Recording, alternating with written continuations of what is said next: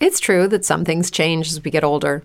But if you're a woman over 40 and you're dealing with insomnia, brain fog, moodiness, and weight gain, you don't have to accept it as just another part of aging. And with MIDI Health, you can get help and stop pushing through it alone. The experts at MIDI understand that all these symptoms can be connected to the hormonal changes that happen around menopause, and MIDI can help you feel more like yourself again. Many healthcare providers aren't trained to treat or even recognize menopause symptoms. MIDI clinicians are menopause experts. They're dedicated to providing safe, effective, FDA approved solutions for dozens of hormonal symptoms, not just hot flashes.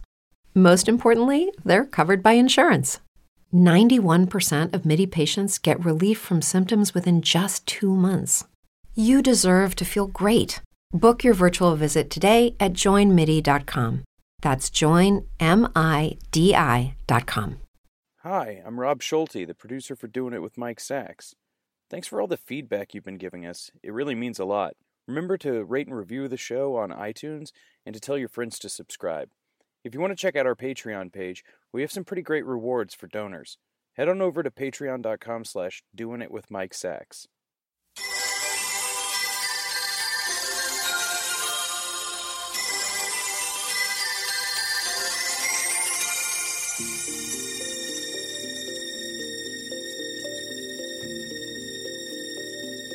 からクリーニングを始めます選曲ボタン3を押してください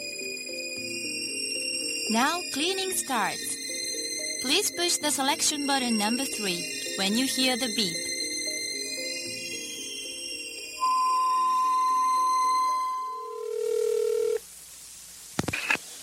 Circus. Are, are you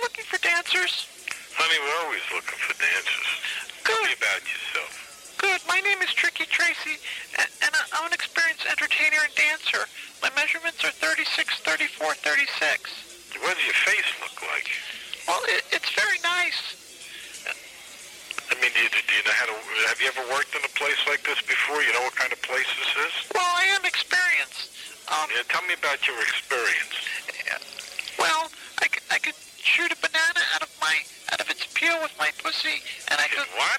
I, yes, and I could lip sync to Madonna's like a virgin with my labia lips. Hey, hold on for a minute.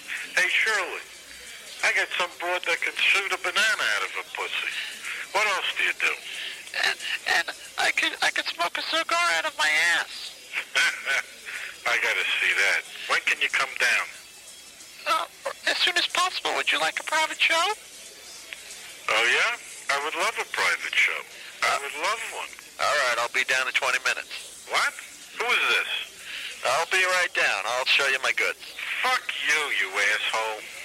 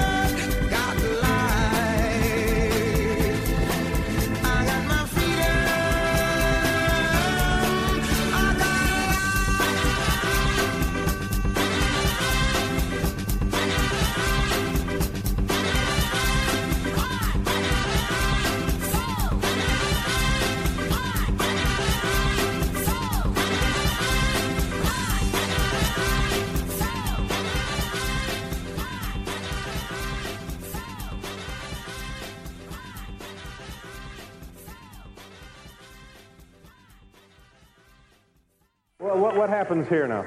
This is it. Okay, this is it. Doing it with Mike Sacks. Welcome to the third episode. We started off with a clip from a Japanese cleaning cassette from the 1980s. When was the last time you heard that? Not sure where I found it or why I kept it. I'm not sure of a lot of things. Anyway, if this is your thing, listen for the exciting closing clip from this Japanese cassette at the end of this podcast. Following that was a crank call made by the 1990s phone freak group Ballbusters. I love that call, if only for Fergus becoming gentler and less cranky at the end and saying almost like an excited child, I would love a private show. I would love one. Poor Fergus. And then, of course, the great Nina Simone doing her version of I Ain't Got No from the musical Hair.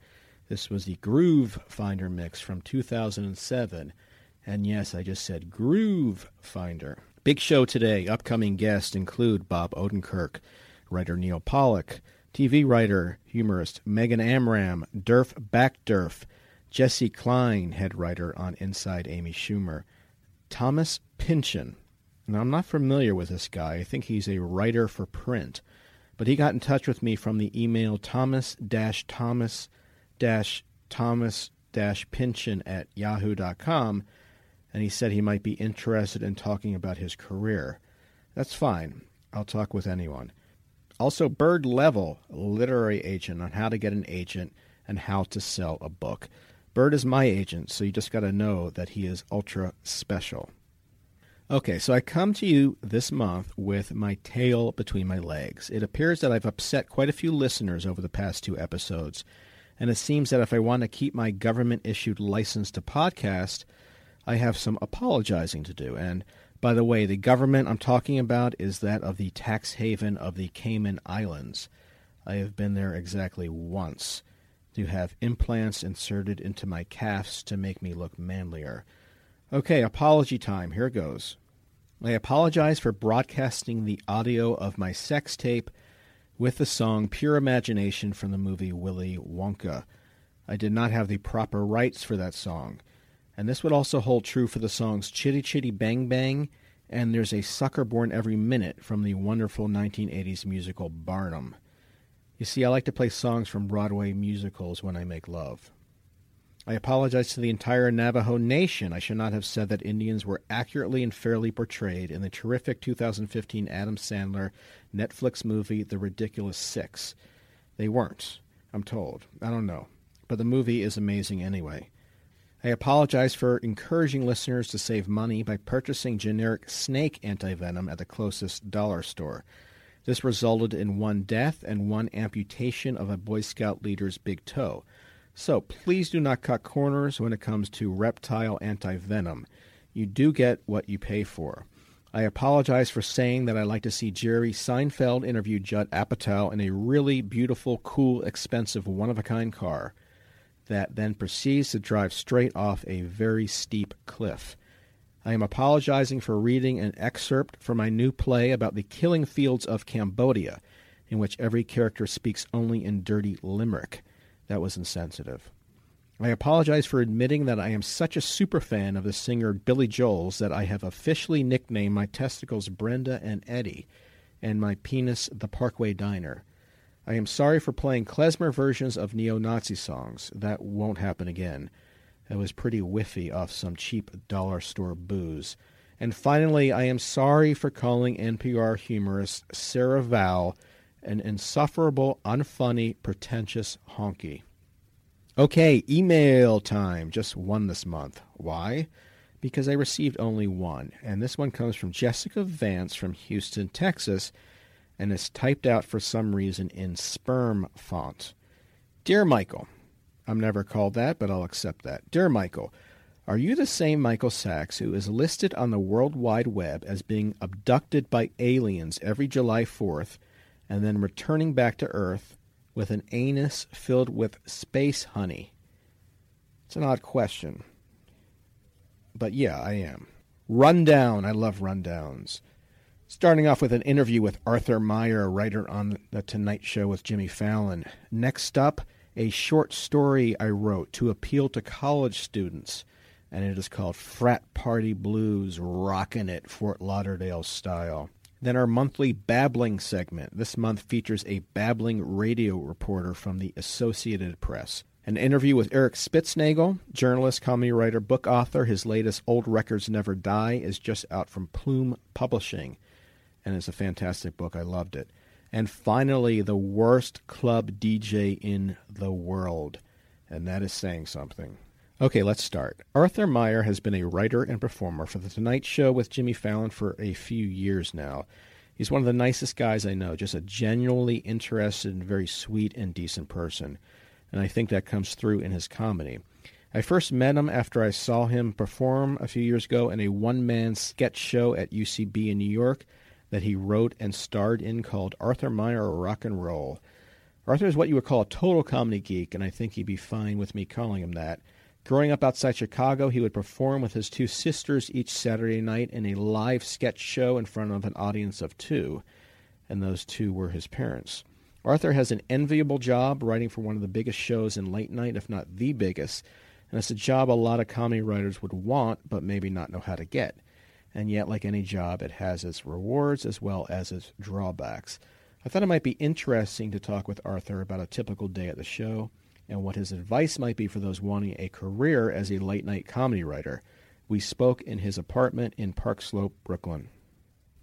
When I meet people, they always want to sit. They always want to ask, "How do I get into late night TV?" And I, it's not really a world I know well at all. But you have a job that is very enviable for, for a lot of people in the industry and outside the industry. Can you walk us through a typical day? The first thing I do is I ask, uh, or the writer's assistant will talk to all the writers and tell us which of our ideas got approved to work on for Jimmy. That you had sent earlier that morning.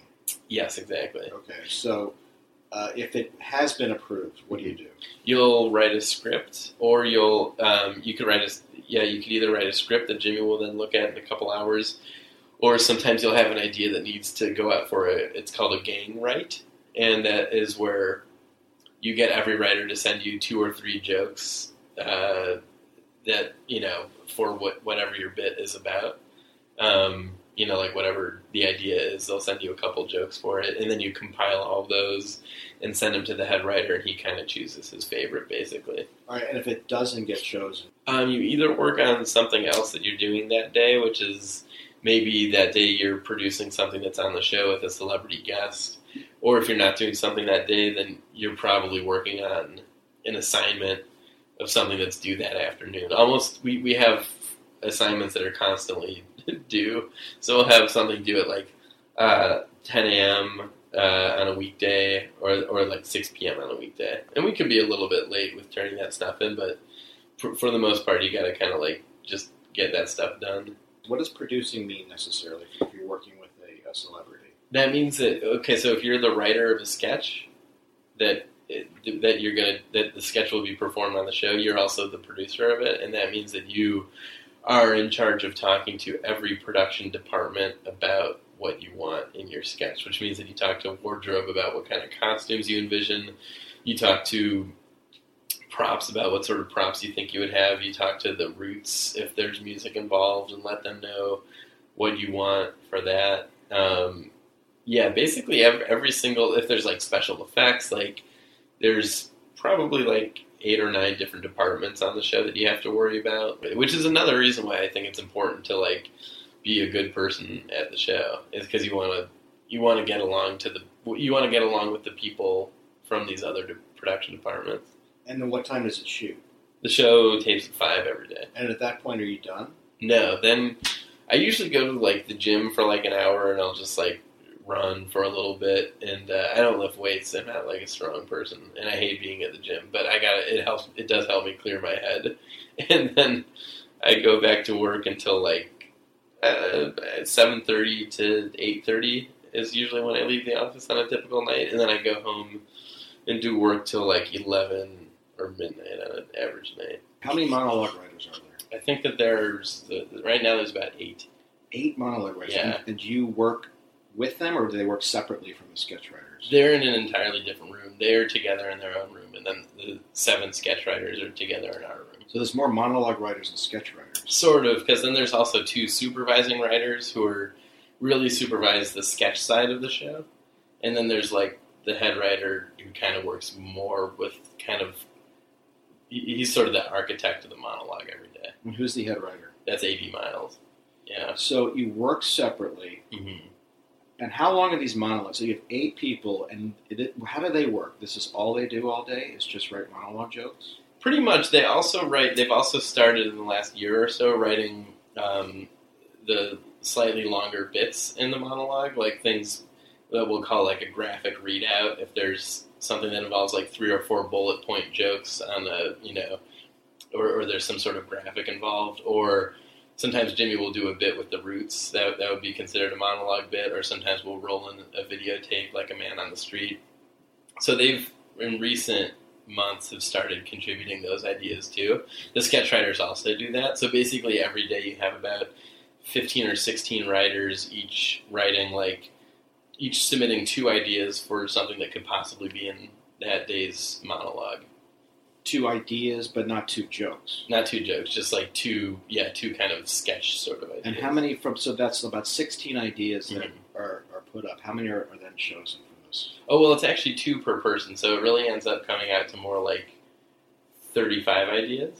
Okay. And then of those, the head writer is the main person who chooses which ones we want to pitch to Jimmy.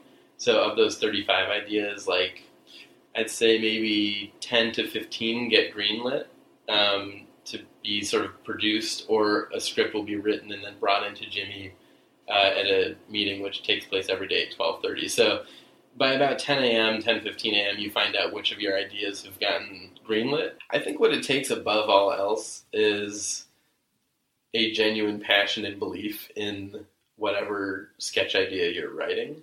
Uh, I don't think it's really about. Um, I don't think it's about try. I don't think it's about aiming to write a good sketch. I think the best sketches are things that that come from genuine organic inspiration, and those will kind of find their own. They will kind of find their own rhythm as, as you write it out. Um, Are you able to do that on the show? There's been other criticism um, about there being reoccurring bits that those who are sort of highbrow comedy nerds don't really like. Yeah. Um, yeah, that's true. There, a lot of people, our, our show has come under some criticism for that. We, I, I definitely have and do pitch ideas that are like truly inspired. And I was saying before how I try to think of, or every writer has to pitch two ideas every day for something that could be in the monologue. And I really try every day to make at least one of the ideas something that I've never thought of before. And you have a very individual style. I've seen your one man show at least once, maybe twice, and it was fantastic. Oh, thank you. From start to finish. Um, and I was telling you this at the time, the opening act was was so weak and my mind was wandering. Then you got on stage and it was like, oh, this guy knows what he's doing. And as a as an audience member, I felt comfortable. Oh, So you have a very individual voice. How frustrating is it for you to have to write for another voice and for a lot of those ideas, even in another voice, not being accepted? That's a that's a good question. Um, at times it's frustrating, and at times it's uh, liberating. I think liberating because Jimmy can really do just about anything, uh, which I've learned over the course of being there. I always knew he was really talented when he was on SNL, but seeing him as the host of the Tonight Show, it's like he, he can kind of do anything. He could like sing any song, he could be any character, and he could do just about any impression. So you feel like you have a lot of freedom as a writer that you could just you know and he he you know at no point has he ever gotten upset at anyone for pitching him something that might be out of his zone i think the way he approaches stuff is like I, I think if there's something he hasn't done before he would want to try it so if he hasn't done an impression or a character before he would be very interested in learning like how do i do a ted cruz impression and then he would be able to do an amazing ted cruz impression So there's a freedom in writing for someone like that. yeah, which I don't think that you get on other shows. I think every show has a different type of probably freedom that you have as a writer because there's certainly a lot of stuff that our show would not do that say Colbert would do or that Conan would do. but then our show has, I I would say, by far the most versatile host in terms of just what he is able to do. I have worked with people who do not have as much love going on with their comedy. You know, Well, with themselves, and that comes through in their comedy. yeah, you know, just people who are like sarcastic and you know, I I think sarcasm can be funny sometimes, but also at a certain point, if I I don't know, co- comedy's all about your point of view, I think, and if you don't like if you don't agree with someone's point of view on life, then you're not going to find them funny, you know. It's one of the reasons I find like Louis C.K. really. I think why a lot of people find Louis C.K. funny is his comedy completely comes from his point of view on life. Um, it's very honest. yeah, He's not trying to appeal to a lot of people. He did what he wanted to do, how he wanted to do it, and people came to him. Yeah, exactly. And he's you know he's very honest and and he's you know he also he also is cynical, but I would not really describe him as like a sarcastic comedian. You know, I he doesn't strike me as that. He seems like someone who's just very in touch with the ugly truths that are all around us everywhere in this world. So, how important is it to be a likable as a comedy writer, not only with Jimmy Fallon but with the other writers? Is that important to succeed? I, in certain ways, I believe that it's almost more important uh, it, how likable you are versus just if you happen to be a great writer. Uh, other people might disagree about that, and but I, I don't know. I remember I used to do stuff at the UCB theater, and one year I was on the kind of board of people who would select which people are going to be part of the UCB house sketch comedy teams, and there was one person who auditioned who had a very technically good audition. It was he showed a lot of versatility and range, and it was funny. But a lot of he was widely known for not being well liked, and we were thinking, well, the, being on a team is very much about being on a team and teamwork and cooperation. And if they're not going to like this person, then they're not going to want to write for this person, and that'll cause that'll ultimately make the team worse. And that's I think what it's like at our show too, where it's like we have a very happy staff of people there. Like the people are all really good people, and I'm not even just talking about the writers. I'm talking about like everyone. But if you're if you're a likable person who likes life, then you're going to do better at, at our show. Other shows might be different, but so much of our show is about positivity that it kind of needs to be created behind the scenes too in order for the show to work. I think. Not, not that our show is just some blindly happy place of everyone just like whistling and walking down the halls, but like you know, we have a lot of really likable people who I, I can like go to and, and talk about like life stuff with them about. I think that's a major factor in any job. And Yeah. I think a lot of people who do comedy might not think about that. You know, if you show up at an interview and you try to be overly funny without being nice, I don't think that's as important as just being someone you want to see every day at work. Yeah, being like you, you want like a, a genuine person who's like a, a nice, yeah, like 'cause, you know at any office or even just in life, the people that you know, when you immediately see someone, you kind of get a certain feeling about that person when you see them. Like I'm always very happy when I see you. I'm like, oh, yeah, I'm like I'm seeing Mike Sacks right now. Whatever is going to happen is going to result in some kind of like long conversation that feels like it can go anywhere. It could be about personal stuff. It could be about comedy stuff. That's really sweet. Yeah, Thanks. it's the best. It's like Wow. you know, but that's the feeling I get when I see you. Other people, I get different. You know, some friends I'm like thrilled to see them. Other people I'm like, oh, this will be a little bit of a chore. Um, you you want people to like want to see you. I think. Well, that's the thing too. I mean, if you're producing every day, you have enough worries than to deal with someone you don't want to deal with. yeah. I would think at the show. Yeah, exactly. So you just want to, you hope to just have good people around you. So, if someone out there listening wants to write monologues professionally for a late night show, what would be your recommendation? Who are these people generally? Are they stand up comics? I think most of them seem to be stand-up comics. A lot of them seem to be uh, big-time like Twitter people, people who tweet a lot. A few writers at our show have definitely gotten hired, like largely based on their Twitter account. Like who? Um, I'm trying to think. Uh, I mean, like Chase Mitchell has a very good Twitter account. I think that was instrumental in him being there. Jen Statsky, maybe. But she worked for The Onion too, right? Yeah, she did. But so, how what, are people discovered off of Twitter Yeah, I mean, have you heard about that writer Bryan Donaldson over at Seth Meyers? He was he's like a forty something year old guy, and he was just working like a I want to say he was like an IT guy, and he got hired I think entirely based on his Twitter account.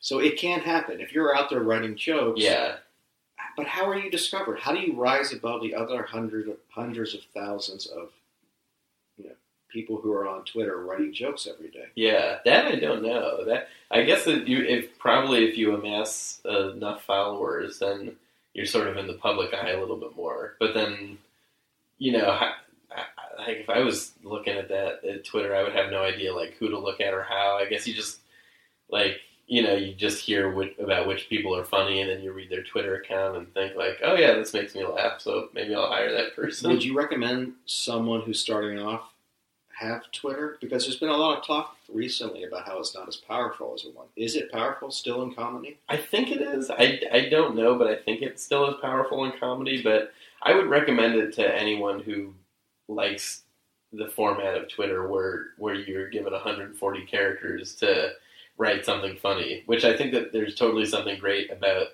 having that limitation, but also, you know, that's not what I find funny. My Twitter account is not, you know.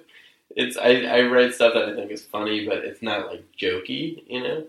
But you're also not a monologue writer. I'm not a monologue writer, but you, if you want to pursue comedy, you definitely do not need to even have a Twitter account, as far as I'm concerned. Okay, so what do you need to have? I think you just need to know what you think is funny. I think you need to like know what you think is funny and know how you want to show what you think is funny. So maybe it's like web, maybe it's like you're the performer, or maybe you just know that you like to write for other people, or maybe you know that you want to do stand up comedy. Like whatever your preferred format is, you know, it's really totally up to you because there's so many different ways to be funny. But just as long as you know, you know, which way or ways you like the most, and, And, then show off your strengths. show off your yeah exactly and uh, and then just you know uh, hopefully do stuff that you that you personally find funny because that'll be the thing that gives you your your comedic voice um, there's no there's no other person like you you know like there's there's only one Mike Sacks there's only one Arthur Meyer so like why should I try to be a different person I gotta like do what I think is funny which is that's the scary part is figuring that out I still feel like I'm figuring it out. Like I, I definitely don't feel like I have it figured out. I feel more confident than I used to, but I also want to like continue evolving because that's how life works. You just like evolve and you change, so your point of view sort of changes. So I just want to stay in touch with that. I do remember once hearing George Carlin say, "I don't think anyone under the age of thirty should be allowed to express any opinions." You know, which I, I kind of I sort of know what he's saying there. I always thought that was really funny. I, I think with age comes some level of wisdom, or at least just experience. You just like experienced more. Well, I think that's incredibly important. I think even for those who are in their early 20s, instead of watching every Simpsons episode, to go out and experience life. Yes, And there's nothing that can replace that. You know, you can know every joke that was on MASH or Cheers or Simpsons, but in the end, it's really about your own personal experience in life that, that makes a connection with people. yeah, I think so too, and that will somehow form your sensibility. Like stuff that I have written and that I've performed, I don't even really know exactly where it comes from, but I just know that at some point in my life, that was a thing that I thought was really funny, and it probably came from wherever I was at emotionally and mentally in life. So you just have to keep listening to, to that. So it's almost like a gumbo where everything that you've experienced and know comes through as you're writing, and Yeah. you just pluck from that. But I think the more you know, whether it's reading everything, both comedy and non-comedy, and experiencing as much as possible, can only enrich your comedy. Yeah, you, you really can't go wrong. I mean, you if, you experience like I remember being a caterer several years ago. I, I was like a caterer for two years, and it was a miserable, depressing job. But you certainly learn a lot about like people and a lot about America and the way that you know, like capitalism and and you're a poor person serving a rich person. So that's you know an educational experience in its own right.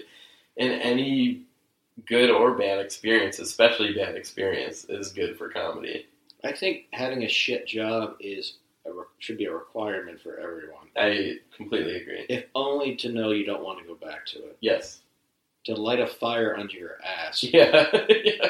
I, I've had some shit. I don't ever want. I ha, I still have nightmares about going back to these shows. I think that's a healthy thing. It really does make you appreciate what you have. yes. And I do see a lot of young people who may not appreciate what they have because they haven't had those jobs in the past. Yeah, I I, uh, I think so too. That's why we'll we'll get interns at the show who want to have these meetings that they I guess they call it informational meetings.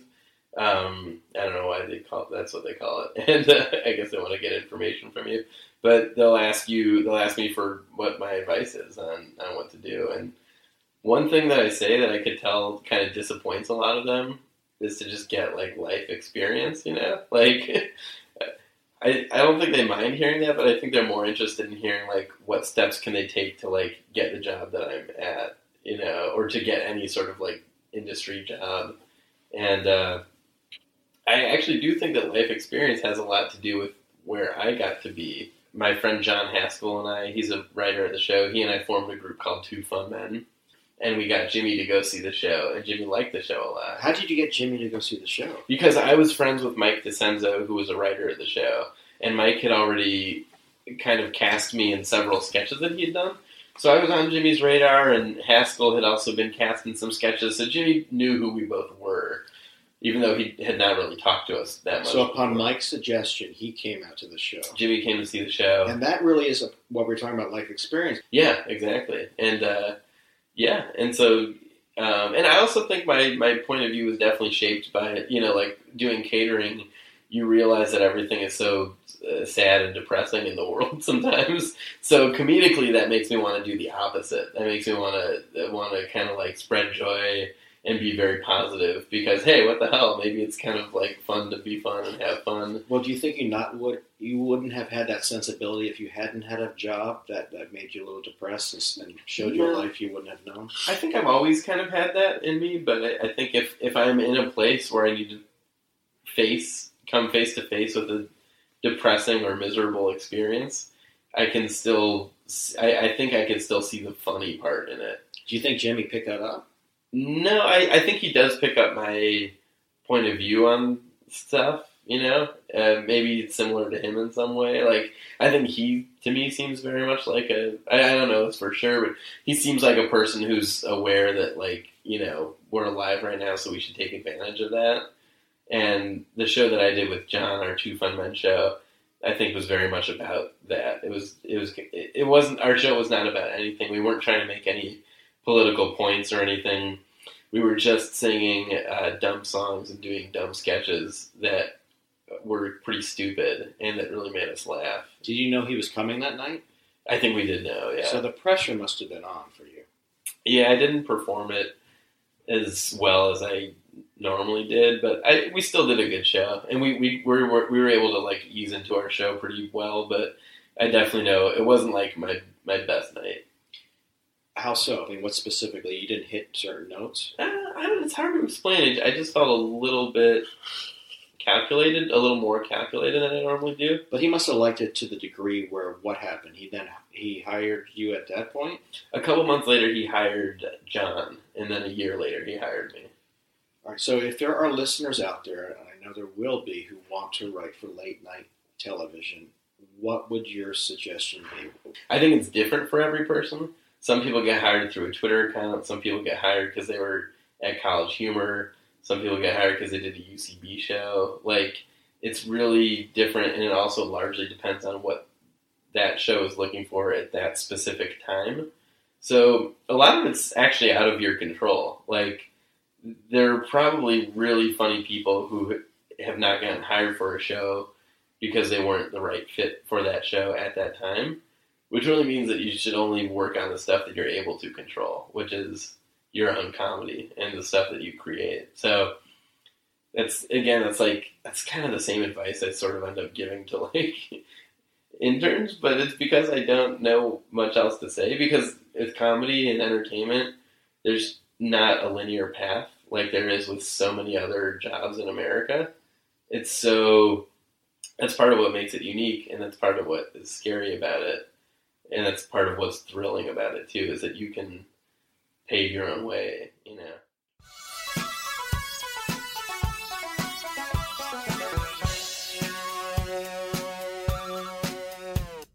So how do we know each other? And how do you have my number? Well, why don't you guide me? You be the driver. Say what you want and leave your shinies home. And you should do what you want and day. And never another day. you should leave it for her, the girl around the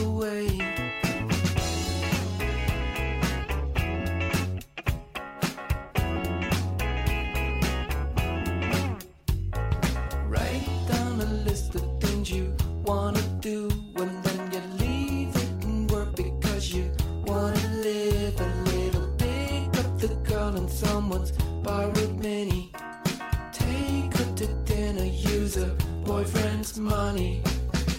Hey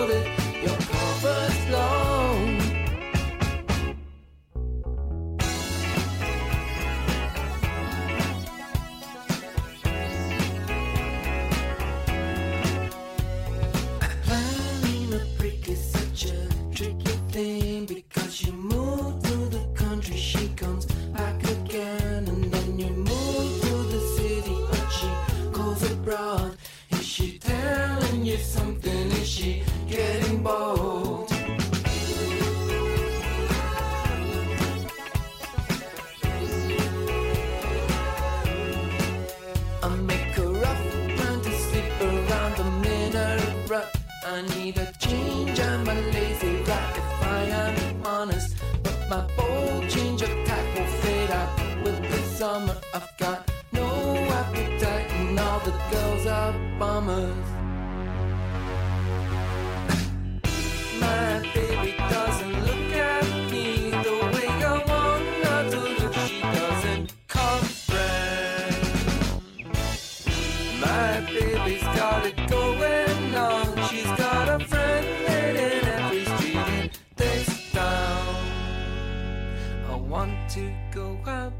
There's nobody home.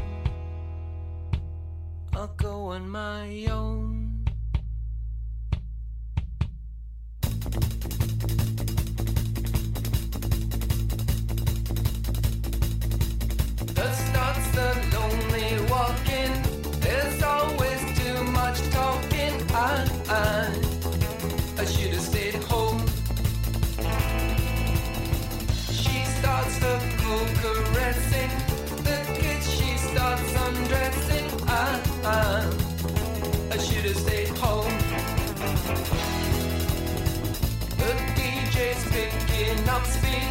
Something I just don't need. I, I should have stayed home. The gossip's bearing down on me.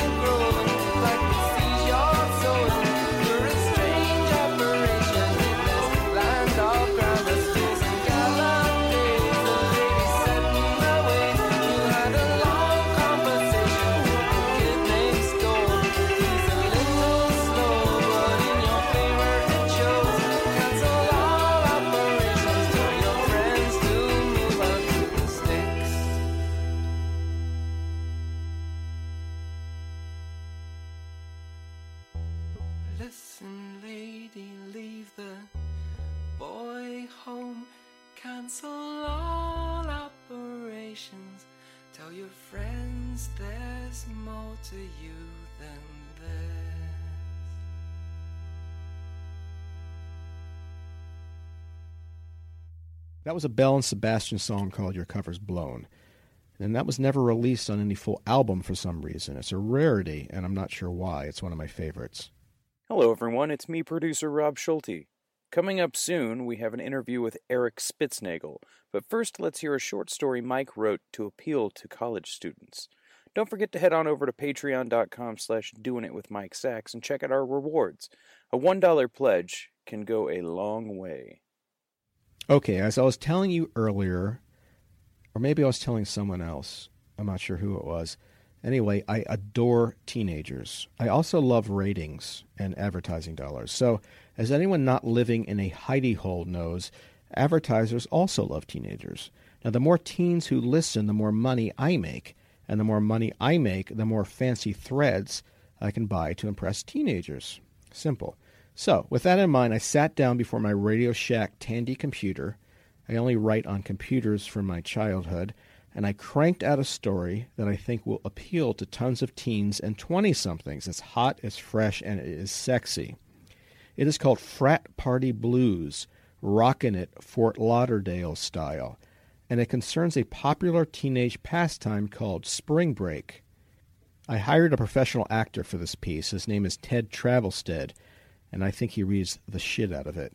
Here it is. A short story geared to college students, written by a 40 something author. Frat Party Blues, rockin' it Fort Lauderdale style. What up, Chief? asked Larry. He had just finished soccer practice and was now sucking back on a bottle of his favorite brew, 40 Dog Buzz.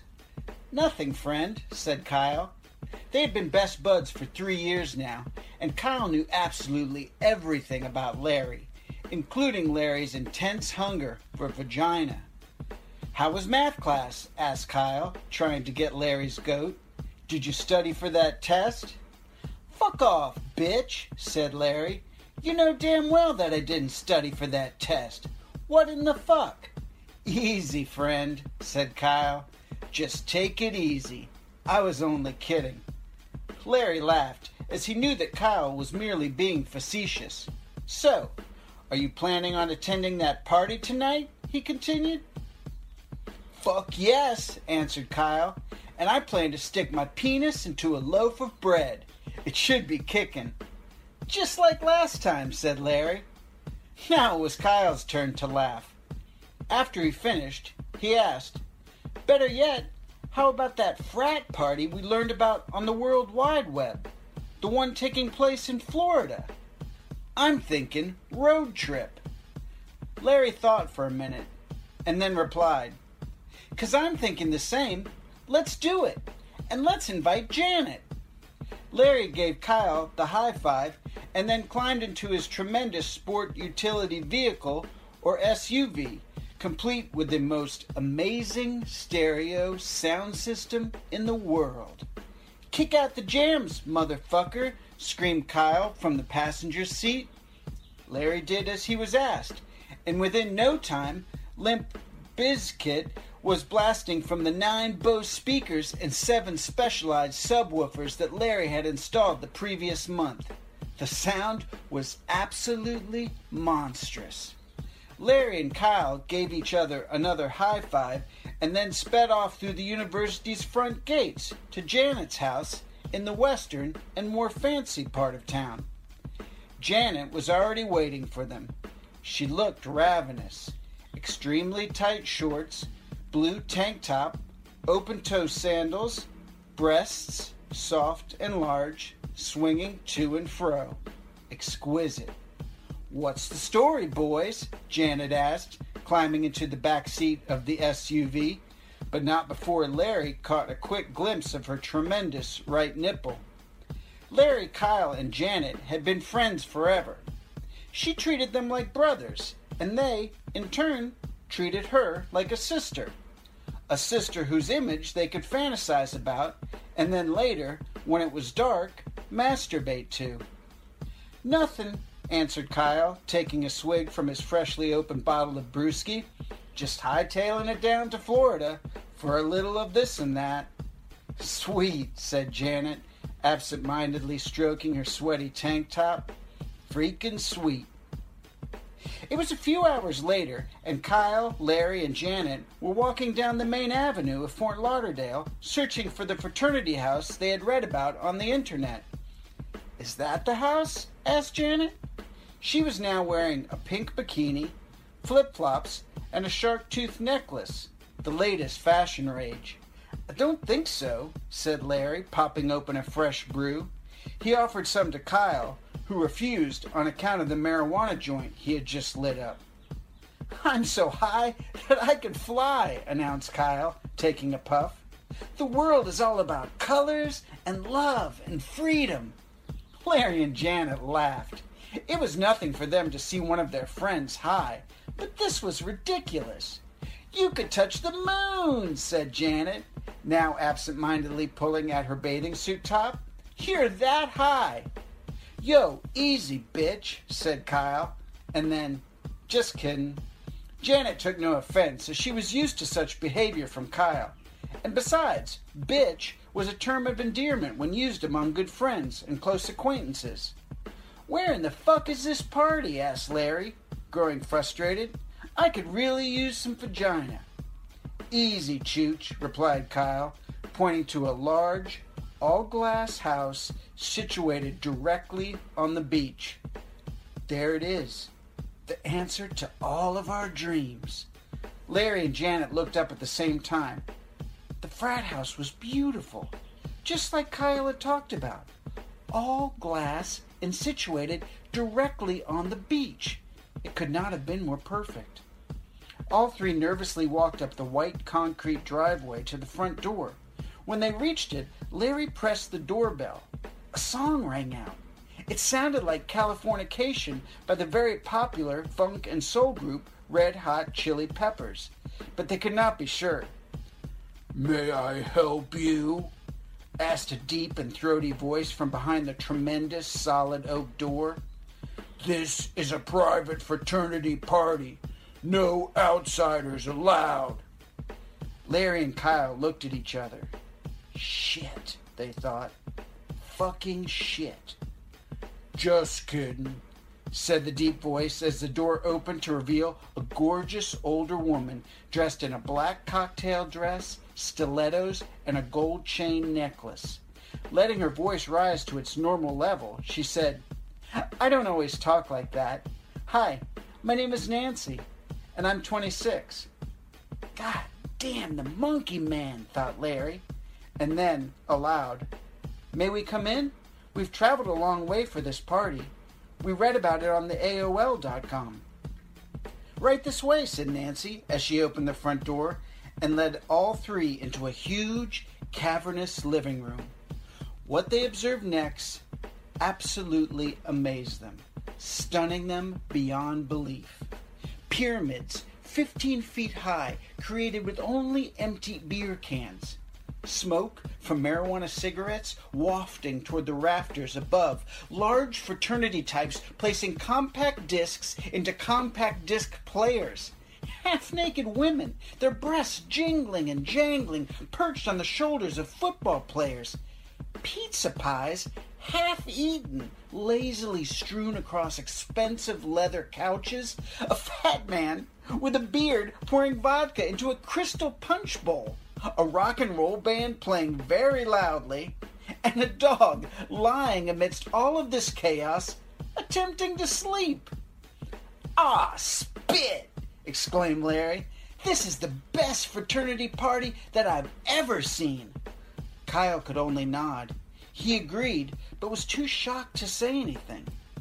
Janet, on the other hand, could not stop talking. This is incredible. Absolutely incredible. I've always thought fraternity parties were supposed to be good, but this, this is not good. This is exquisite.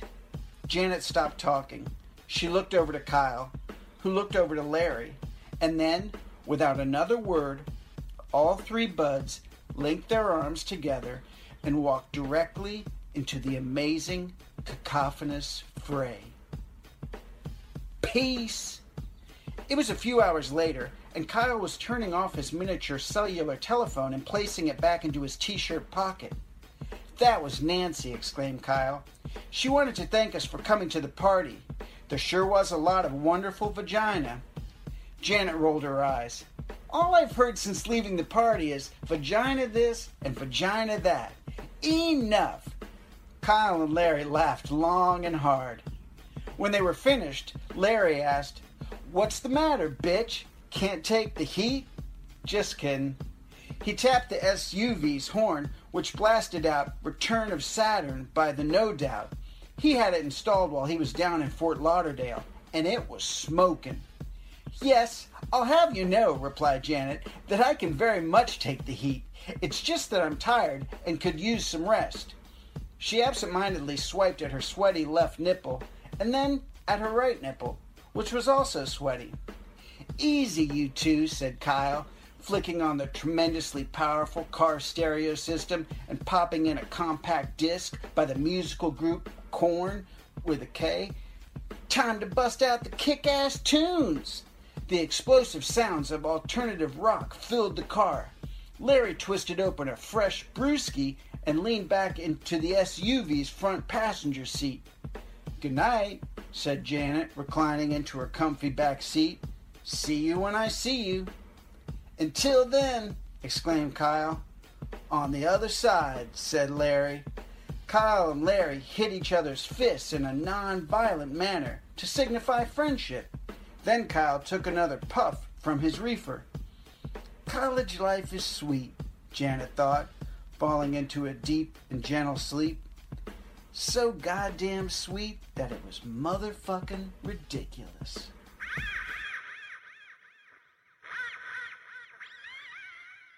Wow, that was powerful. I say that as the author of that piece, but that was tremendous.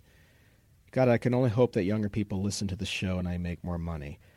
Thank you, kids. I love you all. You can find my email on the internet or the World Wide Web. Write, please, or send photos. I always get back. Babbling segment. This month's Babbling segment, an on air radio reporter for the Associated Press who can't quite finish this very important report. Young execs face a new health hazard by John Platero, Associated, uh, Associated Press, Fort Lauderdale, Florida. Dr. Steven Wexner treats patients with fatal diseases like cancer, but his specialty is a less deadly malady that, because of its nature, is rarely discussed openly. Wexner calls it young executive tight sphincter syndrome. His patients are usually 25 to 55 years. Take two. Uh, three, two, one. Wexner calls it young exec. Jesus Christ. Wexner calls it young executive tight.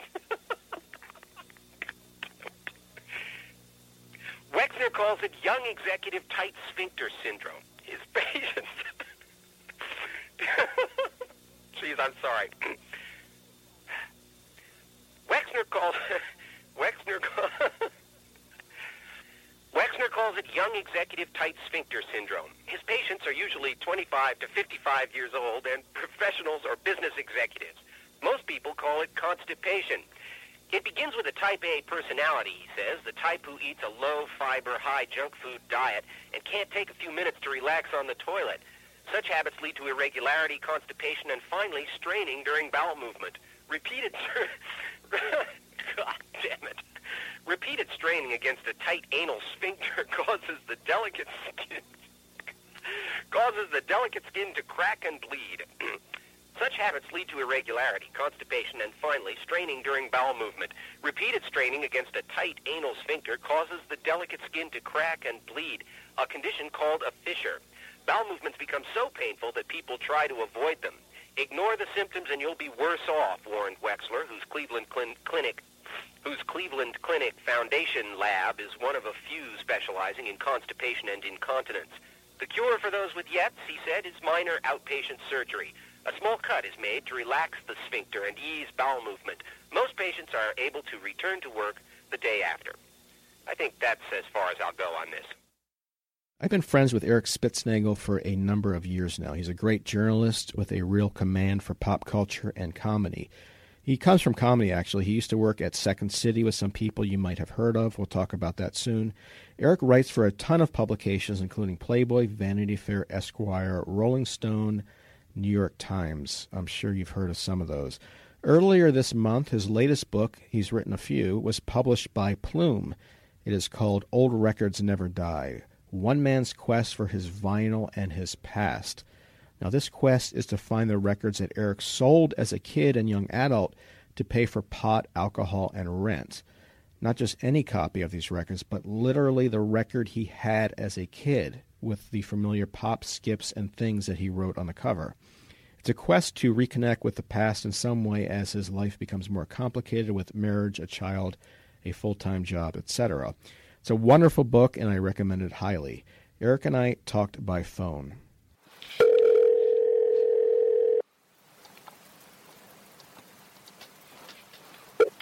Good morning, Mr. Sacks. Eric Spitznagel. What's up, Curtis? Not much.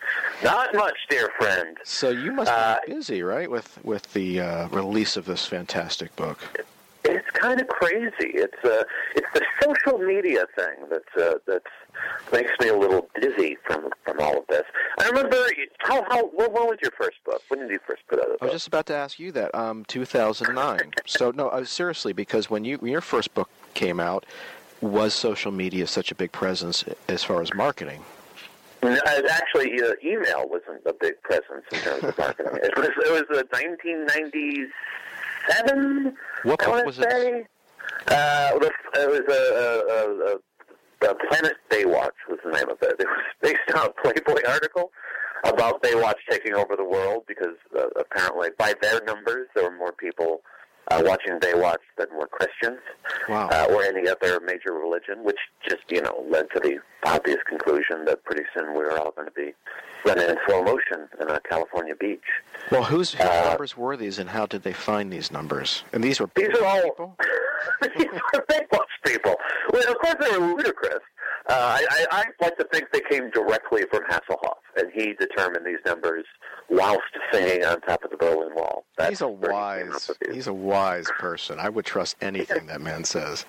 he's a sage. He's very much uh, he's a man who sees all, and uh, so clearly, I mean, they were so preposterous they weren't even worth checking out. I mean, a lot, a lot of people watch Baywatch, but uh, to to say like we're more popular than than the Muslims and, and Jews put together, like okay, Didn't John yeah. Lennon get in trouble for saying the same exact thing in the 60s? Oh, he went right after Jesus. Uh, see, they instead Hasselhoff wisely only went after the believers rather I than the actual. Well, that goes back to him being wise, you know. So He how knows was it what he's different? When you had when that came out, how did you promote that book? We uh, we threw a party, as I recall, and uh, and then they I think they sent us to a few cities. I mean, the, one of the books I did in the '90s, the Junk Food Companion, they actually sent me on a book tour, which was preposterous. No one like no one was coming out to like see some writer make jokes about Twinkies. It was such a waste of money. Well, that, it still And- but I, is. I They loved still it. do What- that. Oh yeah, Why yeah. do they do that? I mean, I've been on book tours where literally no one has shown. I mean, most of the tours are like that. So if they're spending money for me to fly out there, stay in a hotel room, and even if 50 people show up, how does that pay for itself? It doesn't. Uh, it makes no sense. I think it's just like the old way of doing things. So, so they think, yeah, you have to, you have to put an author in a bookstore so up to six people can can buy it and get his autograph. Uh, It's the yeah, that, of renting a biplane and just dropping propaganda leaflets. that would make more sense. I would like to carpet bomb uh, a neighborhood with with books, and because that then you're like, oh, a book fell from the sky. Maybe this is worth picking up and just you know flipping through it. Not just any neighborhood, but the neighborhood where you grew up. Like, you motherfuckers, I Yeah. made it. And you know, the, the weird thing about readings too is that I, it, being an author and being in the in the industry, even with that, uh, if I'm in a bookstore and they're I see they're like oh, they're setting up for a reading, and I was like, oh, I got to get the hell out of here. Like I don't want to get stuck, and then you're awkwardly having to go like, I don't want to hear him talk this long. It's the worst. It's so boring, so insufferable. Yeah. All right, so and, now and it sells nothing. It sells nothing. I really the, the significance of it. Like, do a tweet. You're gonna see. You're gonna get more people from a freaking tweet. But the question is now: does, is a tweet effective, or does that become white noise? I, I, why do people buy books anymore? I, I literally don't know. A, a promotional tweet, you know, I don't know if it's going to make a difference. But uh, I mean, are they reading Amazon reviews? Does that matter? Why, do why do people are people reading at all anymore? We're in the wrong field. We are, but I, I also wonder what makes a book pop. What makes one successful and another not successful? And I can't figure. I don't know what it is. I mean, there's something very murky about it that you cannot control.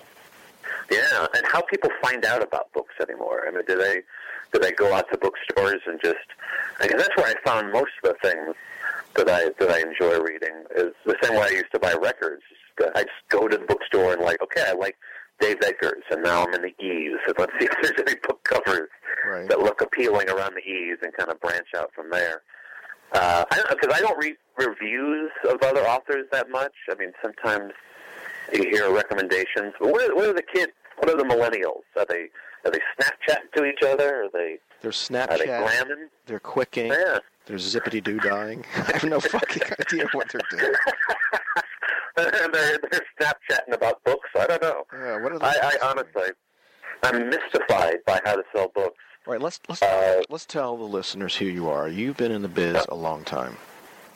I have uh, 20 years now since the uh, the, the mid I guess the mid 90s basically uh, around uh, like 96 I started writing for Playboy and then a series of books and then uh, kind of struggled a little bit more with journalism. It took 20 years before I, I, I broke out of the the magic. I make four figures in a year. Yes. Isn't that amazing? Is- This is not something you think about when you dream of becoming a writer, right?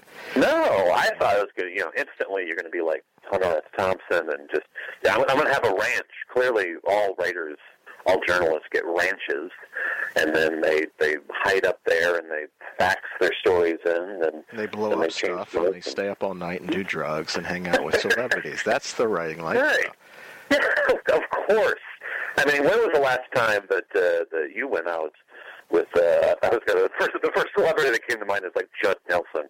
Judd Nelson and I went out went out shooting, and then uh, he told me how much he wanted to play me and Right, I went out brunching with Andrew McCarthy. That's what I did.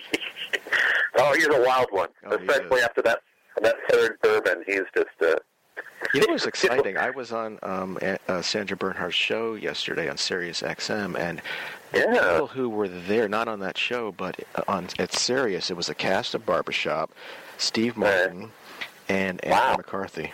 He was there talking. He's now a writer. Well, he's now a writer.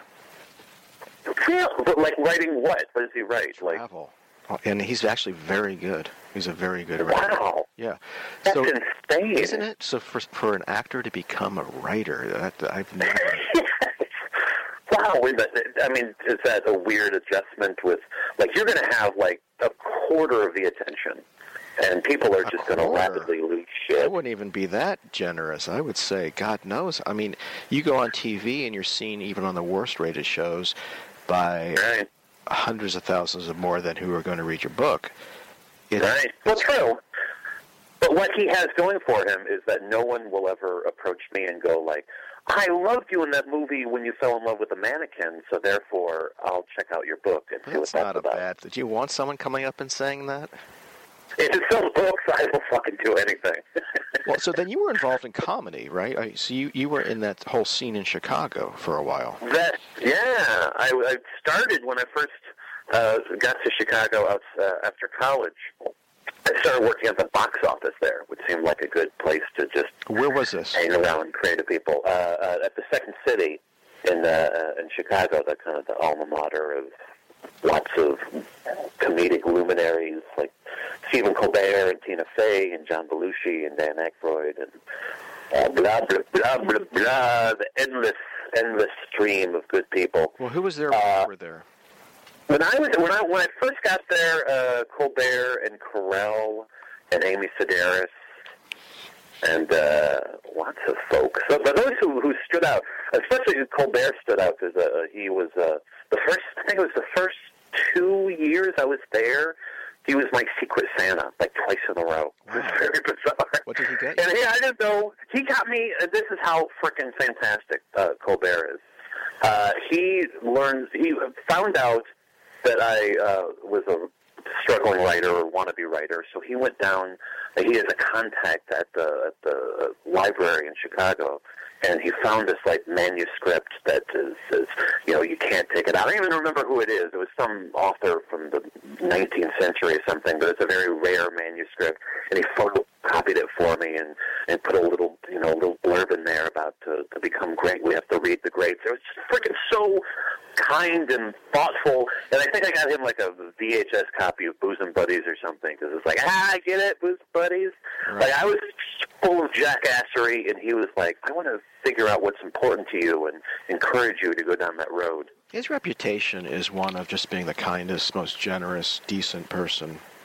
I think it's uh, it's well deserved. It's well deserved. I interviewed him like not too long ago for Playboy, and it was just like with some interviews, as you know, you like you get in there and you're just sweating bullets because you're trying to get them into their comfort zone, or you're you're trying to set up easy balls for them to hit, and kind of direct them to a spot where they can be insightful. But with Colbert, it's like good. I, oh, my only my only job is just staying out of the way. Like it's so freaking intelligent and going off on these tangents from the very beginning. I mean, sometimes there's the the, the warm up period where you're just shooting the shit and they say things and stories are uh, half realized and I'm not really sure what their point is. But it was just boom, like three hours. I think I talked to him, and it was ab- absolutely every story was either hilarious or heart wrenching or and just just the way he he hopped that out. Like I don't know if he's always on or if he's just so professional that he's uh, he's ready to go at a moment's notice. And So- just What happened with you in that world? I mean, you wanted to become what a comedy writer or performer? Well, in the very beginning, when I first when I first moved to Chicago, I wanted to be a, a playwright. I wanted to be like the non-Catholic Christopher Durang or something, and just just write plays about. But it's that kind of vaguely also Woody Allen, so kind of a little. but it's like the uh, I like the nebbishness and the insecurity of Woody Allen. Really, I related to. So uh, I started working on these plays uh, and put them up at these storefront theaters, most of them like in the worst part of Chicago, just in the, in the, the kind of neighborhoods where there were literally like people doing crack, like right outside the door. You'd have to ask the person doing crack to like, can I get past you to enter this theater? Uh, and there would always be like shows that went on like at 10 p.m. Like the one time you really don't want to be in that neighborhood at all. So even friends would be like, no, there's no fucking way. I'm going to go see your little ha-ha show. Uh, so, and, and there, was, there were like comedies with cutesy, semi, you know, funny, but not really names. Like, Nothing Cute Gets Eaten, or Grandpa Ruins Christmas. And then we do like an hour and a half of jackassery. So that, that you know, for a while was paying no bills. And uh, so I was kind of supporting myself working at the box office at Second City. Not really. I mean, I never really wanted to be a performer, but just to be around that kind of creativity and those, you know, grew up knowing that Second City led all these people to Saturday Night Live and, and movies, and so just being in the in the presence of these people, I thought would kind of inspire me to figure out if uh, how to be how to be better as a writer, uh, which was insanely helpful to because after you know every shift you go and sit in the theater and drink free beer and uh, and watch them do these sets and, uh, seeing Steve Colbert and Steve Car- Carell fuck around on stage, that's just freaking staggering, staggering genius at play. So it was it was like a PhD program. So uh, you knew then that these um, two and others, such as Tina Fey, that they were special. It felt like it, but it's it's it's hard when you when you go drinking with someone to think that they're going to be special. Like when you know Tina Tina Fey was always brilliant, but it's it's like but there's so many other people at the, at the same time who are brilliant as well. So you you never think for a minute like they're going to be household names. They're going to be the next David Letterman or the, the an A-list talent. I mean, when when there are people that you hang around with, you're like, I hope we all get to make a living doing this. Like that was the best case scenario. Like, wouldn't it be cool if Carell got in some movies and and got like you know a little bit of attention? And the, the very idea that you know Tina Fey would ever get to the point where it's like she can do anything she wants. You rule Hollywood if she if she decides like I want to do a TV series about uh, I don't know a guy who is really attached to his cat. Like NBC would be in a in a in some kind of a in, in, a, in a battle with NBC to see who gets the rights to it, and it just it seemed inconceivable back then. That, Well, what, so what do you think the difference was? So there's a, there was a lot of talented people there, as there always has been. So how do these rise above? Is it luck, skill, or a combination? Probably a combination. I don't. I, I honestly don't know. Or perseverance. I mean, I don't. I don't want to name names, but there were honestly a couple people I recall at the time where it's like, yes, that person. I, I think of anyone in this group, they're going to be a freaking superstar. They're going to be huge. And and one person I was like, oh, that's he, he's money. I think he had like a he had two lines in a Seinfeld episode once, and that was the last I ever you know ever saw him. Yeah, yeah. Um, and so it was like like Tina. I, I honestly thought, and because this is what she was playing off too, like oh, she's going to be a great writer. She's going to. When she got the gig on SNL, it's like. Uh, oh, that's see, well, that stands to reason. And then when she got the news, it's like, oh my God, a writer's getting a chance to be in front of the camera. That's amazing. That's so much more than I ever thought would happen. So I don't know. I mean, that, I guess I'm avoiding your question, but it's it really is. A, Well, I guess no, I don't think a- there's an answer for it. it. To me, it's a very mysterious, murky thing. How does one rise up? It may just be perseverance combined with incredible skill. I mean, the yeah, longer you being in the right place yeah. at the right time, and you know, happening to get on the Daily Show and getting the right kinds of exposure. I mean, I mean, Carell certainly didn't like leave Second City and walk directly into into stardom. I mean, nor did Colbert or, or, or a lot They of work them. their asses off. Yeah, there was a show. I don't know if you you probably saw it, Exit Fifty Seven, I think it was. Yeah.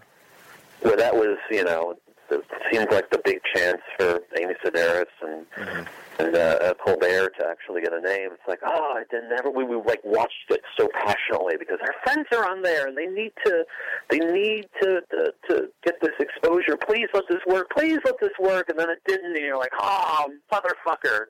Right, and then you there was felt that that pain. Dana Carvey show that Colbert was on, as well as yeah, yeah. So I mean, it's not like the, it, you're like you're you're you're saying they don't go straight from uh, sitting sipping a milkshake at, at Schwab's to then being discovered. It, it's a process. Right. And and you know, for some people, it just uh, uh, it doesn't work out at all. So they- how did you then segue into doing writing for for magazines and books? Uh, completely kind of uh, back asswards.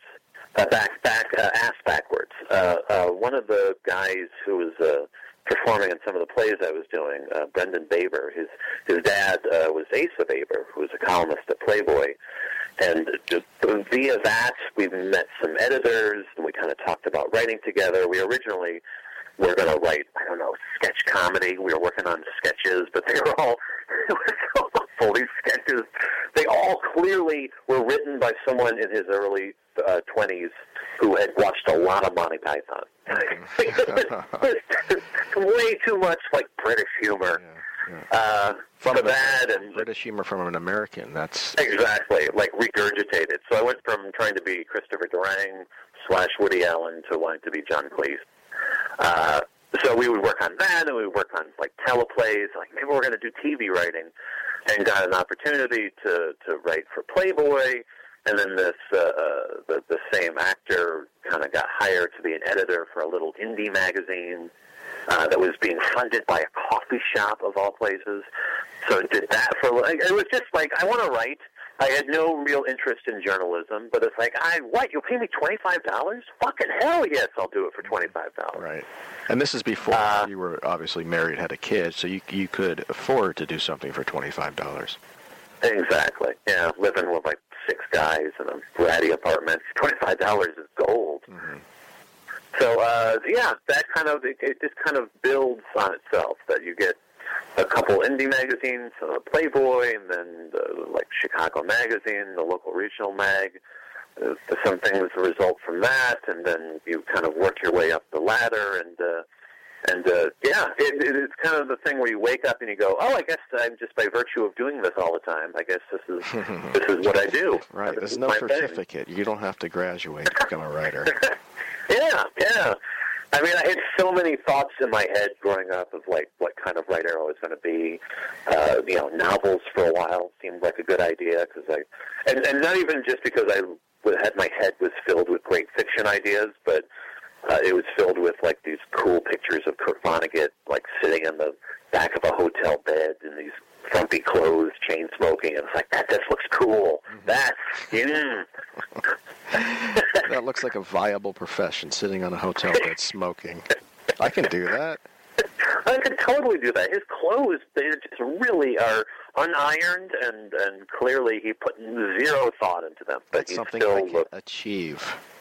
yes, and it somehow looks cool. If I can get someone to want to photograph me looking frumpy and chain smoking on a bed, uh, I've made it. So you made a career. I mean, you worked your way up to major publications. I did, yeah. Somehow, uh, you know, Playboy led to, you know, uh, Details and Esquire and Rolling Stone and Billboard and eventually the the New York Times magazine. And it was all like relationships. It was all like guys who kind of knew me when they were writing, editing, like a junior editor at this other magazine, and then oh, yeah. So it's like in talking about like, well, why do things work out for like Steve Carell and Tina Fey? I, I feel the same way in a lot of ways about like writing careers and journalism careers. Like, well, how do you how do you achieve you know, some modicum of success. Well, you happen to run into certain. Well, first of all, you got to go write for Scary Theaters in Chicago, and then happen to meet a guy whose dad works for a major magazine, and then that leads to things where you meet people who introduce you to other people, and then you, uh, then then it'll just work Well, out. that's just most of it. You need to be open to meeting people, open to ideas, and I wasn't when I first started. Yeah. It was a big mistake, and I think the more open you are to, uh, you know, personally, socially, as well as professionally, the more you'll achieve because it really doesn't come down to you're not going to be called up from the minor leagues to the major leagues like you would in baseball. It just comes down to how well you get along with people and if they like your work and if they know about you. And if they don't, you're not going to really move Hmm. up. Now, what do you mean uh, uh, not being open to, to new ideas? Well, I was uh, very solitary when I graduated from college. I was very, um. I didn't want to share my ideas. I didn't want to. I thought writing um, implied sitting alone in an apartment for a year, uh, popping out a book, and it's just the opposite, really. You need to be out there living a life, and I think by living a life that can only make you better as a writer. I mean, even beyond uh, making it professionally in a business sense, it's just morally. It's I think it's it's the right thing to do. It'll help you as a person and as a creator. Right. Yeah, it's it, it's interesting when I when I went to uh, uh, Men's Health uh, initially as a, as an editor, as a deputy editor for their uh, for their website. Uh, the, uh, it was my first experience like working with writers who have both been around a while and who are who are youngish and newish. And it was very interesting dealing with like older writers who kind of were very uh, uh, stubborn about what kind of writing they want to do or what their what their uh, uh, aesthetics were and how unbending they were about a lot of things. I don't like like a lot of sour grapes too. Like uh, Yeah. male writers of a certain age are really pissed off. A lot of them are very pissed off that they're not considered Chuck Klosterman or something. Like this is weird kind of like I'm just I'm interesting and charming and the fucking world doesn't realize it and I'm really annoyed that I'm not a household name Right. and that I can't be the the, the center of, uh, of of every story. Like, yes, it's about this subject, but really, it's about how cute I am as a person. Well, I think that's a major problem is that everyone, no matter the level, is wants to be somewhere else, either higher or to the right or to the left or wherever. But I think the younger you are when you realize that everyone's kind of miserable, I think the happier you're going to be. really. I mean, if, if Mel Brooks one is not completely content, if David Sedaris is not completely, these are big names. It's a natural thing to want to be somewhere else. but to just complain about it, to just just you know to drink alone and and bitch over the fact that you're not in this magazine, you're not having, you're not on this radio show. I think it's very unhealthy. It, it's just the, the, people complaining the most, at least writers, seem to be the ones who are less uh, uh, less adaptable to the way things are changing, or when when when their career track didn't work out exactly how they intended, or the, the, the demands are different, or the they're not being offered three dollars a word anymore, and this frickin' writing for the web is like you offer me two hundred dollars. Like, well, yeah, that's That's the way it the goes. reality. Yeah, I mean, it's it's it sucks, but you know, but, but the writers who seem to be succeeding are the ones who are like, okay, you want me to write about what, and then I mold you know my my voice a little bit to to to to, to fit that. Then they're going to last longer than the ones who are like, you know, I really am uh, David Sedaris esque, so I should be treated with that kind of respect. Right, there's a real sense of entitlement, but where in reality you're competing with a lot of people, and really what I think the goal is is to make a living, put your head down, just keep going, and do the kind of work you want to do the way you want to do it. And you know, what else is there? You're not going to be, um, your crowds aren't going to form when you arrive in Europe on a. On a it's just not. Gonna, Right, yeah. And, and you mix it up. I mean, the, the, the, the stuff I do by day or over the, over the past couple of years with Men's Health, it hasn't always fed my soul. But then, you know, I have this book on the side, the book about vinyl, and it just even even if this thing doesn't fucking sell a single copy, it's like, ah, this I finally feel like I'm speaking to my truth. Well, it's a terrific book, and you can tell that it really came from your heart. I mean, this was a book that you could tell wasn't just written quickly for money. This is a book about your life, about the passage of time, about uh, hopes and dreams, and what comes from that, about having a kid, of being married, and the concessions you make, and it, and about vinyl, which I'm a huge fan of. And vinyl, yeah, it's kind of vinyl just is is the excuse to to ponder all this stuff and think about it and Well, describe the book for readers. Tell them what what its your goal was in writing it. Well, the, well, the initial goal was this kind of harebrained scheme to see if I could find uh, all the vinyl records, and I had about maybe 2,000 at, at its peak, uh, that in the 90s I just decided to get rid of because clearly CDs were the future, vinyl was just clunky, and I just carry this crap around, and uh, why, why would I need records? So I sold them all off or gave them away, scattered them to the winds, and I decided uh, I needed them all back. Uh, not not even like the similar records, uh, the the specific records that I had given away. The the the copy of, of Kiss Alive Two that my brother had scrawled hands off on, or or the uh, the the copy of the, the Rolling Stones uh, Let It Bleed that had the muddy footprint on it that a DJ in college had tried to destroy it when I played it too often, or the or the uh, replacements Let It Be that smelled. I was pretty sure it still smelled like weed because I, I I used to hide my weed in the in the uh, uh, in the sleeve, and uh, which I thought was the most clever thing in the world because my parents would never think to look for weed in a punk rock album. It's like, oh, clearly not. You know, they they're going to look at in the Bob Marley album. They're not going to think, no, the replacements are all about booze, so you'd never hide drugs in there. Very clever move. Oh yes, I was one step ahead. So you wanted Never mind that you got really bulky and so clearly something was inside Well, there. actually, I used to hide things I didn't want my parents to find in the soundtrack to the 1980s musical Barnum with Jim Dale. that worked, actually. Well, what, like what kind of things? Like pornography, drugs? What do I never, I never did drugs. It was usually pornography. Yeah. You were trying to get specific. I mean, not just a record that you had, but the record. Which to me, when when I was started to read the book, I just thought that's impossible. I mean, it's a needle in a haystack. How is that going to happen? In, in, no way can it possibly happen. Which was kind of the fun of the journey to just to even know going into it, like it's not going to be successful. So it really is about this endless quest. And you and you start approaching it like you're a private detective and you're trying to track down a serial killer or something. Because because if you think about it logically, it's like okay, I sold these records in the bookstore in the south suburbs of Chicago. There's only so many places it could go unless someone destroyed it.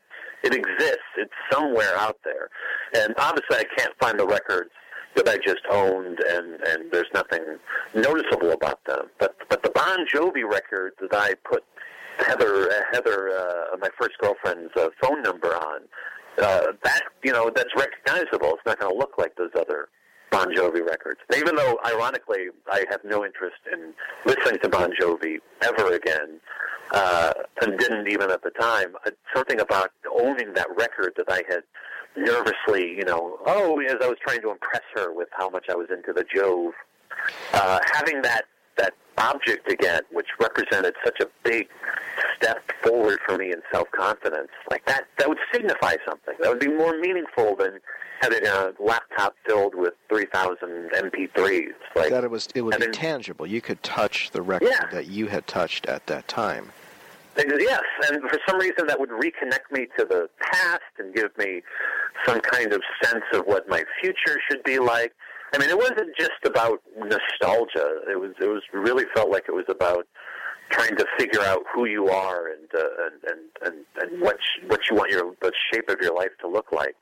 Which which- I mean, it sounds like the excuse of a hoarder, but I, I don't like all. I don't like having you know my attic space filled with every little memento. But but records were so incredibly significant and, important, and, and somehow sometimes they just uh, uh, I don't know. They created my personality for me, or supported my personality, and they were so significant.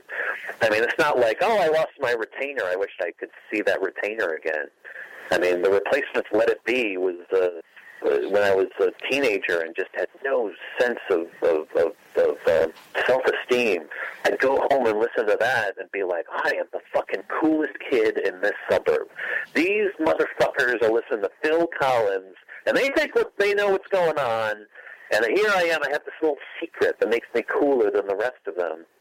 Uh, that was just huge. That was a huge moment for me. Right, and that's the power of music versus books. I mean, to hold the same books you held as a kid might or might not trigger certain memories, but you're not going to remember the first time you had a kiss while you were reading or the first time you got laid while you were reading. It's always with music, except in my case, I guess.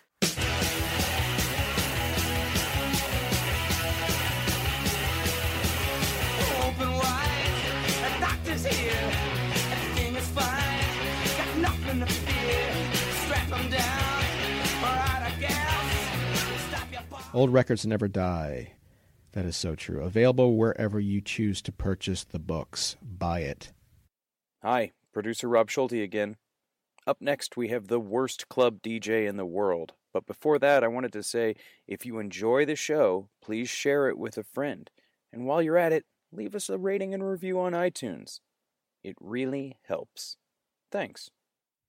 Now, as anyone who has listened to this podcast for years can tell you, I love to party my motherfucking ass off, typically in very crowded clubs with exciting light shows and extremely loud music. I live in New York, in Brooklyn, but my second home is pretty much any club down in Ocean City, Maryland, close to where I grew up, where I can strut my stuff. I love dancing with strangers, and I love to take the latest drugs and listen to new trance and hip hop music. So, about two months ago, I was down at my one bedroom timeshare in beautiful Ocean City, Maryland, and feeling a little bored, I hit the clubs. I ended up at one place called Club Seacrets, S E A C R E T S, that's a pun, where I heard a DJ who was not quite cutting it. And as I do in all similar situations, I immediately took out my reel to reel tape recorder from my briefcase and I saved what the DJ was saying for posterity. I hope you'll like it. Here is the worst club DJ in the world.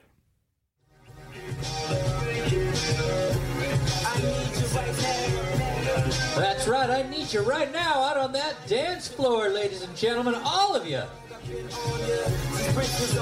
I know every single one of you has a booty, which means every single one of you has got something to shake. What do they say? Booties are like assholes. Everyone else? What? Uh.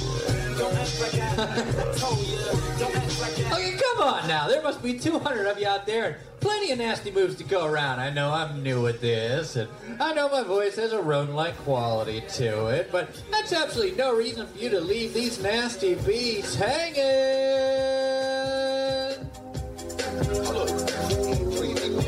I'm not making crazy demands here.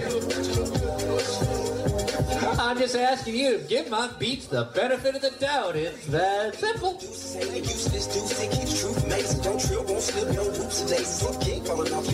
Okay, I realize this place is right on the pier and that that briny smell's a little overwhelming.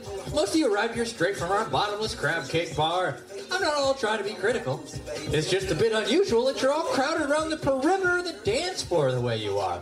Especially since much of the stimulation, the speakers, the LED lights, lasers, fog machine, they're all focused on the very area you're not occupying.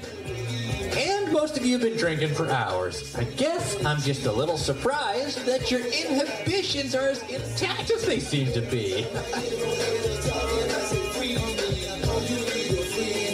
All it's gonna take is just one of you. A single party person to make that first move. Others will rush in to follow. I guarantee it. They will fill that funky groove-filled vacuum. You did come here to dance, correct? How are you all contending with the cognitive dissonance? I promise you. The dance floor is definitely not quicksand. None of you will drown people.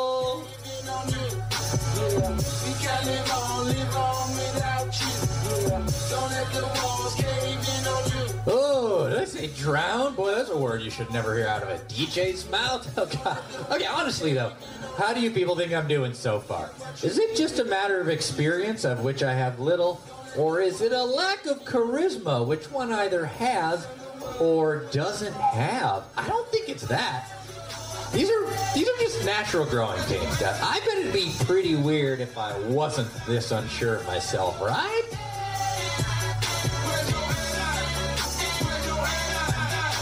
Okay. Know, let's start over. Guys, let's do this. Throw your hands up in the air and wave them like you just don't care. Oh, like I'm really gonna get you moving with a line out of Stone Ages like that. I'm sorry. I'll try to do better, guys. Besides, I know you all do care very deeply. If you didn't, you wouldn't be here tonight. This is Ocean City, Maryland, for crying out loud. Party Town, USA! Look, I swear to God that nothing harmful will occur if you come forward. I just want you to give me a chance. Help me to help you shake that ass.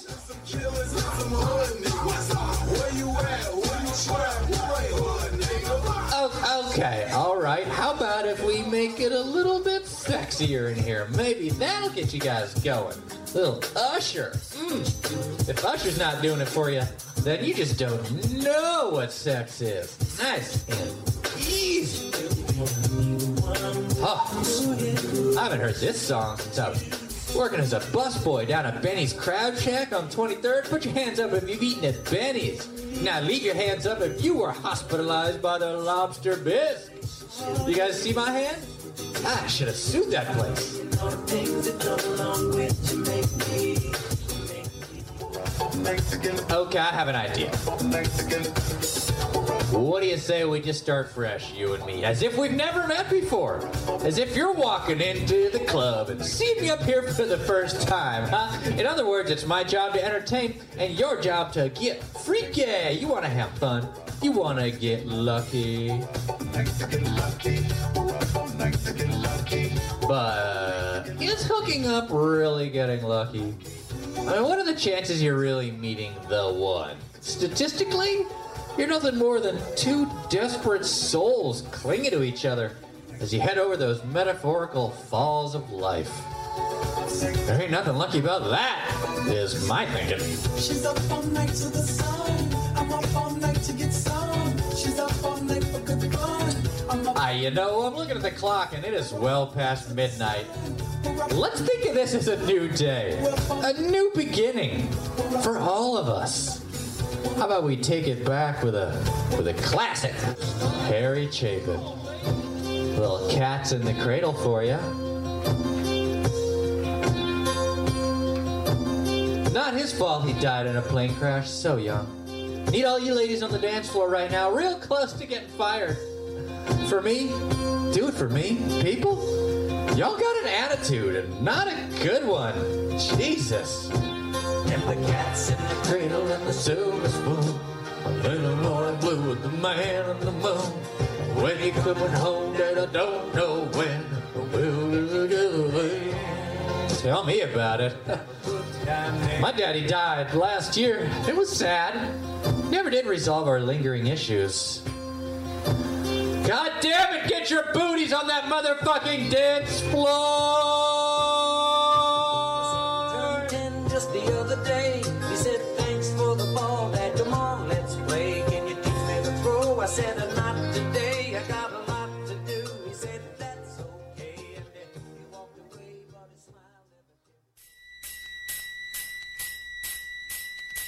but I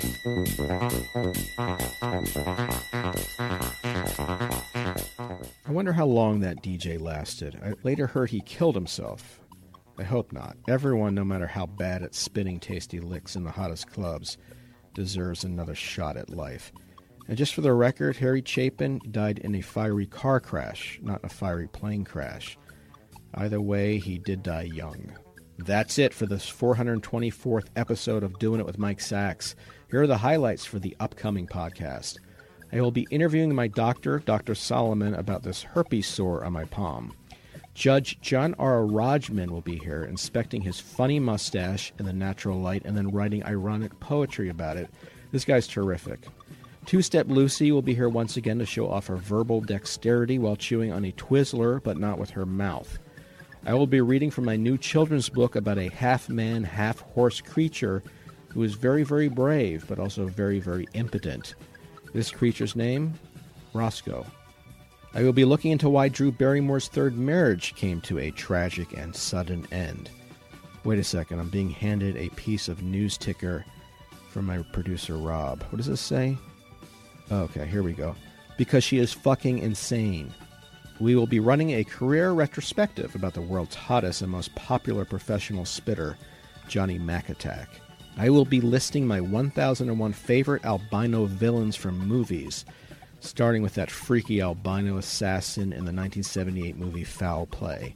And finally, I will tell you about once being arrested in the Davis County Public Library in Rockville, Maryland, for podcasting a show that was ultimately deemed inappropriate to youngsters and the elderly and the homeless people who hang out all day there for the use of the library's public bathrooms.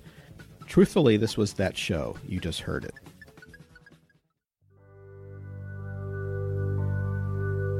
I appreciate you joining us. I really do. I look forward to not seeing you next week. I will see you next month. A few shout outs Arthur Meyer and Eric Spitznagel for sitting down and talking with me. The great Ted Travelstead for reading Frat Party Blues. Ted is a writer and actor who has a small reoccurring role on Adult Swim's Your Pretty Face is Going to Hell. He's written for TV and print. We're buddies and occasional writing partners. You can follow him on Twitter at Trumpet Cake. Let me spell that. Trumpet, T R U M P E T C A K E. And I recommend doing so. He's one of the funniest people I know. Dax Jordan for playing the world's worst club DJ. That was co written by Jason Roeder. Rob Schulte for producing, editing, and wrangling. Rob can be reached at R O B K S C H U L T E dot com, robkschulte dot com. And Rob is moving from Kansas to New York City. He's looking for work. Hire this guy before someone else does is fantastic. His podcast, GFY with Max and Rob. I can be reached at MikeSacks.com or doingitwithmikesacks.com. So until next time, keep your feet on the ground and keep doing it.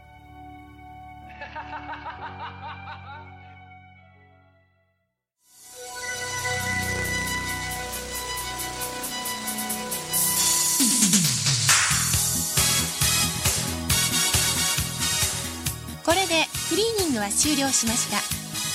ディスクは サウンド終了後自動的に停止します Cleaning has been completed. The disc will stop automatically when the sound finishes.